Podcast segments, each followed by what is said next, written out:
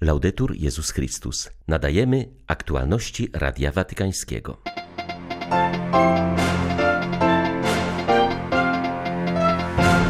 Papież Franciszek wraca do zdrowia, zaczął już pracować. W niedzielę odmówianiu pański z kliniki Gemelli. Mija 10 lat od odzyskania niepodległości przez Sudan Południowy. Papież wezwał polityków tego kraju do większej troski o pokój i dobro obywateli. Stolica Apostolska ponownie zaapelowała o powszechny dostęp do szczepień na COVID-19 i zapewnienie ich także krajom najuboższym. 9 lipca witają Państwa Beata Zajączkowska i Krzysztof Bronk. Zapraszamy na serwis informacyjny. Papież Franciszek zaczął pracować i odprawił mszę, w której uczestniczyły opiekujące się nim osoby. Watykan zapowiedział, że w niedzielę odmówi południową modlitwę Anioł Pański z okna swego pokoju szpitalnego, który znajduje się na dziesiątym piętrze kliniki Gemelli. Dyrektor Watykańskiego Biura Prasowego poinformował, że Ojciec Święty miał spokojny dzień z normalnym przebiegiem klinicznym. Nadal regularnie się odżywia i kontynuuje wdrożone leczenie. Nie ma już gorączki. Papież spacerował po korytarzu i wznowił pracę, przeplatając ją czytaniem dokumentów. Po południu odprawił mszę w kaplicy prywatnego apartamentu, podkreśla Matteo Bruni. Dodaje, że Ojciec Święty dziękuję za liczne wyrazy sympatii i bliskości, które codziennie otrzymuje i prosi o dalszą modlitwę. Sudan Południowy jest obdarzony ogromnym potencjałem. Trzeba więc podejmować jeszcze większe starania, aby wasz naród pełniej korzystał z owoców niepodległości. Czytamy we wspólnym liście papieża, prymasa wspólnoty anglikańskiej i moderatora Kościoła Szkocji z okazji przypadającej dziś dziesiątej rocznicy powstania Sudanu Południowego. Jego adresatem są liderzy polityczni tego kraju. Sudan Południowy jest najmłodszym państwem świata, jednakże 10 lat po uzyskaniu niepodległości jest targany napięciami. W wyniku ostrego konfliktu w ostatnich latach zginęło 400 tysięcy osób. Papież Franciszek, arcybiskup Justin Welby oraz Jim Wallace wspominają w swym liście historyczne spotkanie południowo-sudańskich liderów politycznych w Watykanie w 2019 roku. Przypominają im o złożonych wówczas obietnicach i zapewniają o swojej modlitwie, aby te obietnice kształtowały ich działania. Wspominają też, że w swym ostatnim wspólnym liście na Boże Narodzenie zachęcali liderów politycznych do większego wzajemnego zaufania i bardziej wielkodusznej służby narodowi. Od tego czasu z radością dostrzegamy pewien niewielki postęp, czytamy w okolicznościowym liście. Niestety wasi obywatele nadal żyją w lęku i niepewności, brakuje im wiary w to, że ich naród może rzeczywiście zapewnić sprawiedliwość, wolność i dobrobyt, o których mówi wasz hymn narodowy. Papież Franciszek przekazał 5 tysięcy euro na budowę studni w ugandyjskiej wiosce. To półpustynny teren oddalony od najbliższego ujęcia wody o 5 kilometrów.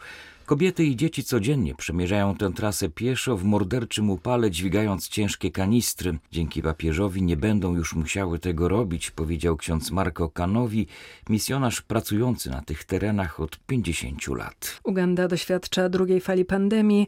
Obostrzenia sanitarne i liczne restrykcje spowodowały w tym kraju znaczny wzrost ubóstwa. To ludność koczownicza, zajmująca się głównie hodowlą owiec, która aby przetrwać ten trudny czas musiała przestawić się na rolnictwo. Do tego potrzebują wody, której brakuje, wyjaśnia misjonarz. Najpierw podzieliłem się tą wiadomością z moimi bliskimi, a następnego dnia rano na początku mszy poinformowałem wiernych o tym, co zrobił dla nas papież. Jest to ojcowski gest, pomoc i błogosławieństwo, które będzie odczuwalne za każdym razem, gdy ludzie zaczerpną wody z tej studni. Wierni zareagowali wielkim entuzjazmem i radością. Nasza wdzięczność wyraziła się w żarliwej modlitwie za zdrowie papieża, który przebywa w klinice Gemelli. Gest Franciszka to nie tylko wsparcie materialne, daje nam nadzieję i pozwala nie czuć się opuszczonymi. Czujemy, że znaleźliśmy miejsce w sercu kogoś, kto nosi w nim cały świat.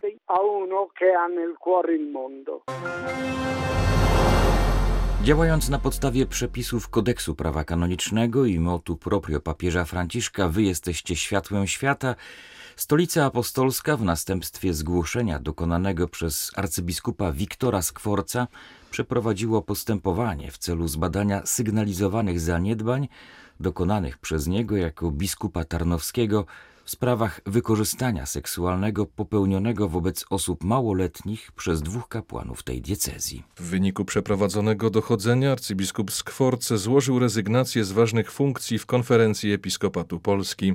Zobowiązał się wesprzeć z prywatnych środków wydatki diecezji tarnowskiej związane ze sprawami wykorzystywania seksualnego oraz poprosił o wyznaczenie arcybiskupa koadjutora. Arcybiskup Skwort skierował słowo do wiernych i duchowieństwa archidiecezji katowickiej, w którym przyznał, że doszło do zaniedbań. Zwrócił się do skrzywdzonych oraz ich rodzin ze szczerą i pokorną prośbą o przebaczenie. O to samo poprosił też wspólnotę Kościoła Tarnowskiego, któremu, jak napisał, przez 14 lat starał się służyć na miarę swych możliwości i sił. Stolica Apostolska ponownie zaapelowała o powszechny dostęp do szczepień na COVID-19. Tym razem miało to miejsce na forum ONZ-owskiej Rady Praw Człowieka. Watykański dyplomata wystosował gorący apel o międzynarodową solidarność, która, jak podkreślono, jest dziś szczególnie potrzebna, jeśli mamy wyjść silniejsi z obecnej pandemii COVID-19. Papieski przedstawiciel zauważył, że aktualny kryzys sanitarny sprzyja nie tylko rozprzestrzenianiu się koronawirusa, ale także wirusa indywidualizmu, stawiając prawa rynku ponad wartością ludzkiego zdrowia. Ale indywidualizm i egoizm nie prowadzą do wolności ani do równości, stwierdziła Stolica Apostolska, lecz raczej do konfliktów i obojętności na cierpienia innych. Stąd pilna potrzeba stworzenia prawnych i etycznych podstaw do międzynarodowej solidarności, aby ułatwić jej realizację. W tym kontekście Stolica Apostolska wezwała państwa i instytucje międzynarodowe do współpracy w celu uchylenia praw własności intelektualnej z myślą o powszechnym dostępie do szczepionek i terapii przeciw COVID-19. Stanach Zjednoczonych regularnie wzrasta liczba aktów wandalizmu wymierzonych w katolickie miejsca kultu. Sytuacja jest na tyle poważna, że episkopat włączył ten temat do obchodów dorocznego tygodnia wolności religijnej. Według kościelnych danych od maja ubiegłego roku doszło do 75 aktów agresji. W co drugim przypadku było to zniszczenie figury świętego, a w co szóstym podpalenie. Najnowsze dane federalne dotyczą roku 2019 i mówią o 66 zgłoszonych przypadkach agresji. Choć ataków na katolickie miejsca kultu przybywa, to i tak jest ich zdecydowanie mniej niż tych, których doświadcza wspólnota żydowska w Stanach Zjednoczonych. FBI odnotowało 684 przypadki takich przestępstw. Choć Kościół jest zaniepokojony wzrostem antykatolickiej agresji, to jednak przyznaje, że niekoniecznie muszą to być przestępstwa z nienawiści. Ksiądz z parafii świętego Atanazego w Nowym Jorku, gdzie nieznani sprawcy obalili krzyż, zauważa, że ataki na kościoły to przejaw przemian zachodzących w społeczeństwie. Chodzi zarówno o ogólny wzrost przestępczości, jak i sposób, w jaki ludzie się do siebie odnoszą. Silne więzy rodzinne okazały się najpewniejszą polisą ubezpieczeniową w trudnym czasie pandemii. Okazało się, że dobre relacje społeczne w znacznej mierze chronią przed marginalizacją i wykluczeniem. Takie wnioski zawarte są w raporcie na temat rodziny i ubóstwa relacyjnego, który wziął pod lupę rodziny w 12 krajach świata, od Beninu po Hiszpanię i od Haiti po Indię. Raport jasno wskazuje, że w czasie koronawirusa ze zwiększoną siłą zauważono, że na życie rodzinne negatywnie wpływa nie tylko brak wystarczających zasobów finansowych, ale również słabe lub wręcz złe relacje społeczne i kruche więzy wewnątrz samej rodziny. Obecne jest to zarówno w slumsach Nairobi, jak i bogatych dzielnicach Mediolanu, mówi Francesco Belletti, który współpracował przy tworzeniu raportu. Rodzina może pomóc stawić czoło zglobalizowanemu systemowi, który generuje ubóstwo i nierówności, czy też słabym systemom opieki społecznej. W krajach, w których relacje międzypokoleniowe są bardzo silne, prawie zawsze mają charakter solidarnościowy. Innymi słowy, osoby starsze pomagają i same są wspomagane. Pokolenie dorosłych pomaga swoim starszym rodzicom, kiedy są słabi, ale jednocześnie jest wspierane przez dziadków, którzy opiekują się ich dziećmi. Staraliśmy się obserwować rodzinę jako miejsce, które generuje ochronę socjalną, a nie tylko samo jest wielkim chorym ludzkości, który potrzebuje pomocy. Patrzyliśmy na rodzinę jako na podmiot zdolny do stawienia czoła współczesnym wyzwaniom. Hinduscy katolicy domagają się ochrony dla mniejszości religijnych. Wszechindyjska Unia Katolicka wezwała rządzącą krajem Indyjską Partię Ludową do przestrzegania konstytucyjnych praw przysługujących wszystkim religiom. Zdaniem organizacji w kraju systematycznie rośnie skala prześladowań zarówno chrześcijan, jak i muzułmanów. Problem dotyczy zwłaszcza małych wiejskich wspólnot, gdzie coraz częściej dochodzi do fizycznych ataków na budynki kościelne i duchowieństwo, ostracyzmu oraz do odmawiania mniejszościom ich praw konstytucyjnych. Na zwiększenie prześladowań wpływają ustawy przeciwko przymusowym konwersjom oraz erozja instytucji, których obowiązkiem jest ochrona praworządności, takich jak urząd gubernatora czy system sądowniczy. Degradacji ulega też policja, która nie tylko nie chroni obywateli, ale sama bierze udział w budowaniu atmosfery nienawiści i przemocy. Przedstawiciele Wszechindyjskiej Unii Katolickiej podkreślają także wykluczenie mniejszości z udziału w procesie podejmowania decyzji. Nie jesteśmy dopuszczani do głosu, choć zbliżamy się do 75. rocznicy wyzwolenia z jarzma kolonializmu.